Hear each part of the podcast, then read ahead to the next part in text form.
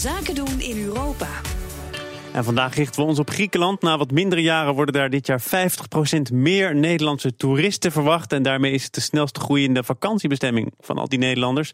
Connie Balzer is eh, van Ross Holidays, een reisbureau gespecialiseerd in Griekenland. Goedemorgen. Goedemorgen. Heeft Griekenland zijn glans weer terug?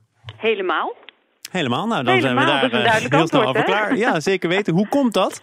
Ja, hoe komt dat? Eh, kijk, Griekenland was natuurlijk altijd al een, eh, een eh, heel goed vakantieland. Het is, een, het is mooi, het heeft alles. Het heeft strand, het heeft cultuur. je kunt er echt alles.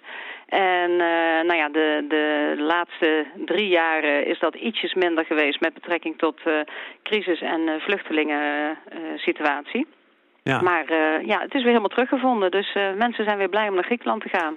Is dat toch iets waar toeristen die nu naar Griekenland gaan, na al die jaren dat ze het hebben laten links liggen, naar kijken? Want het is zomer, toch het seizoen waarin vluchtelingen de oversteek naar Griekenland wagen. Daar let je nog op als toerist, ook al is het nu minder dan de afgelopen jaren, toch? Uh, daar let je denk ik wel op, maar uh, ja, alle grenzen zitten dicht en geen vluchteling wil in Griekenland blijven, want zij willen natuurlijk allemaal door. En er is geen grens open, dus uh, er zijn geen vluchtelingen op dit moment. Er zijn er nog een paar die zijn blijven hangen in de kampen en dat is in het noorden, mm -hmm. maar daar heb je, dat is niet een, een vakantieregio. Nee, er is de laatste jaren wel veel negatief nieuws uitgestort over Griekenland. Ja, absoluut. Wellicht ook wel eenzijdig, denkt u, misschien ja, wel vanuit zakelijk perspectief. Wat heeft u daarvan gemerkt? Uh, nou ja, dat heeft natuurlijk. Kijk, de, de, de pers uh, is een grote, uh, speelt een grote rol in, in, in bepalingen van mensen. En dat heeft zeker meegespeeld. En ik denk dat het zeer onterecht is, want de Grieken verdienen meer dan, dan ooit. Ja, maar u kunt er ook niet uw ogen sluiten voor wat er de afgelopen jaren ook is gebeurd. Nee, maar de situatie was niet zoals het weerspiegeld werd. En dat is een beetje het probleem. Dat er wordt gezegd dat er uh, het barst van de, van de vluchtelingen ja, op één eiland misschien, maar op de rest van Griekenland niet.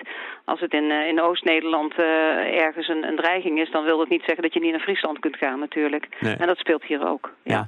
ja. want u richt zich niet per se op die bestemmingen die iedereen al kent. Nee. het kleine Griekenland, daar draait het ja. om bij Ross Holidays. Wat is het kleine Griekenland? Ja, kleinschalig Griekenland, dat zijn we echt in gespecialiseerd. En dat betekent dat we echt samenwerken met, met de Griekse eigenaren die vier studio's hebben met een klein zwembadje bijvoorbeeld.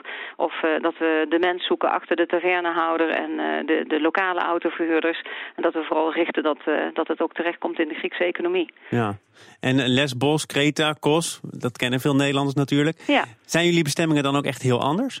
Nou, we hebben bijvoorbeeld Kisera, dat kent bijna niemand. En uh, Ithaki, daar zijn we ook de enige die daar zitten. Pilion. Uh, dat zijn allemaal bestemmingen. We, we, hebben ook Kreta hoor, maar dan zitten we weer in uh, die bestemmingen waar bijvoorbeeld in het zuiden, waar zelfs in augustus de stranden nog te vinden zijn waar je maar met z'n tienen ligt. Dus mm. dat is toch iets anders dan het grote bulkwerk. Hè? Hoe afhankelijk is Griekenland van die toeristen? Want u zei het net al, u gaat proberen om de baten ook daadwerkelijk bij de Grieken terecht te laten komen.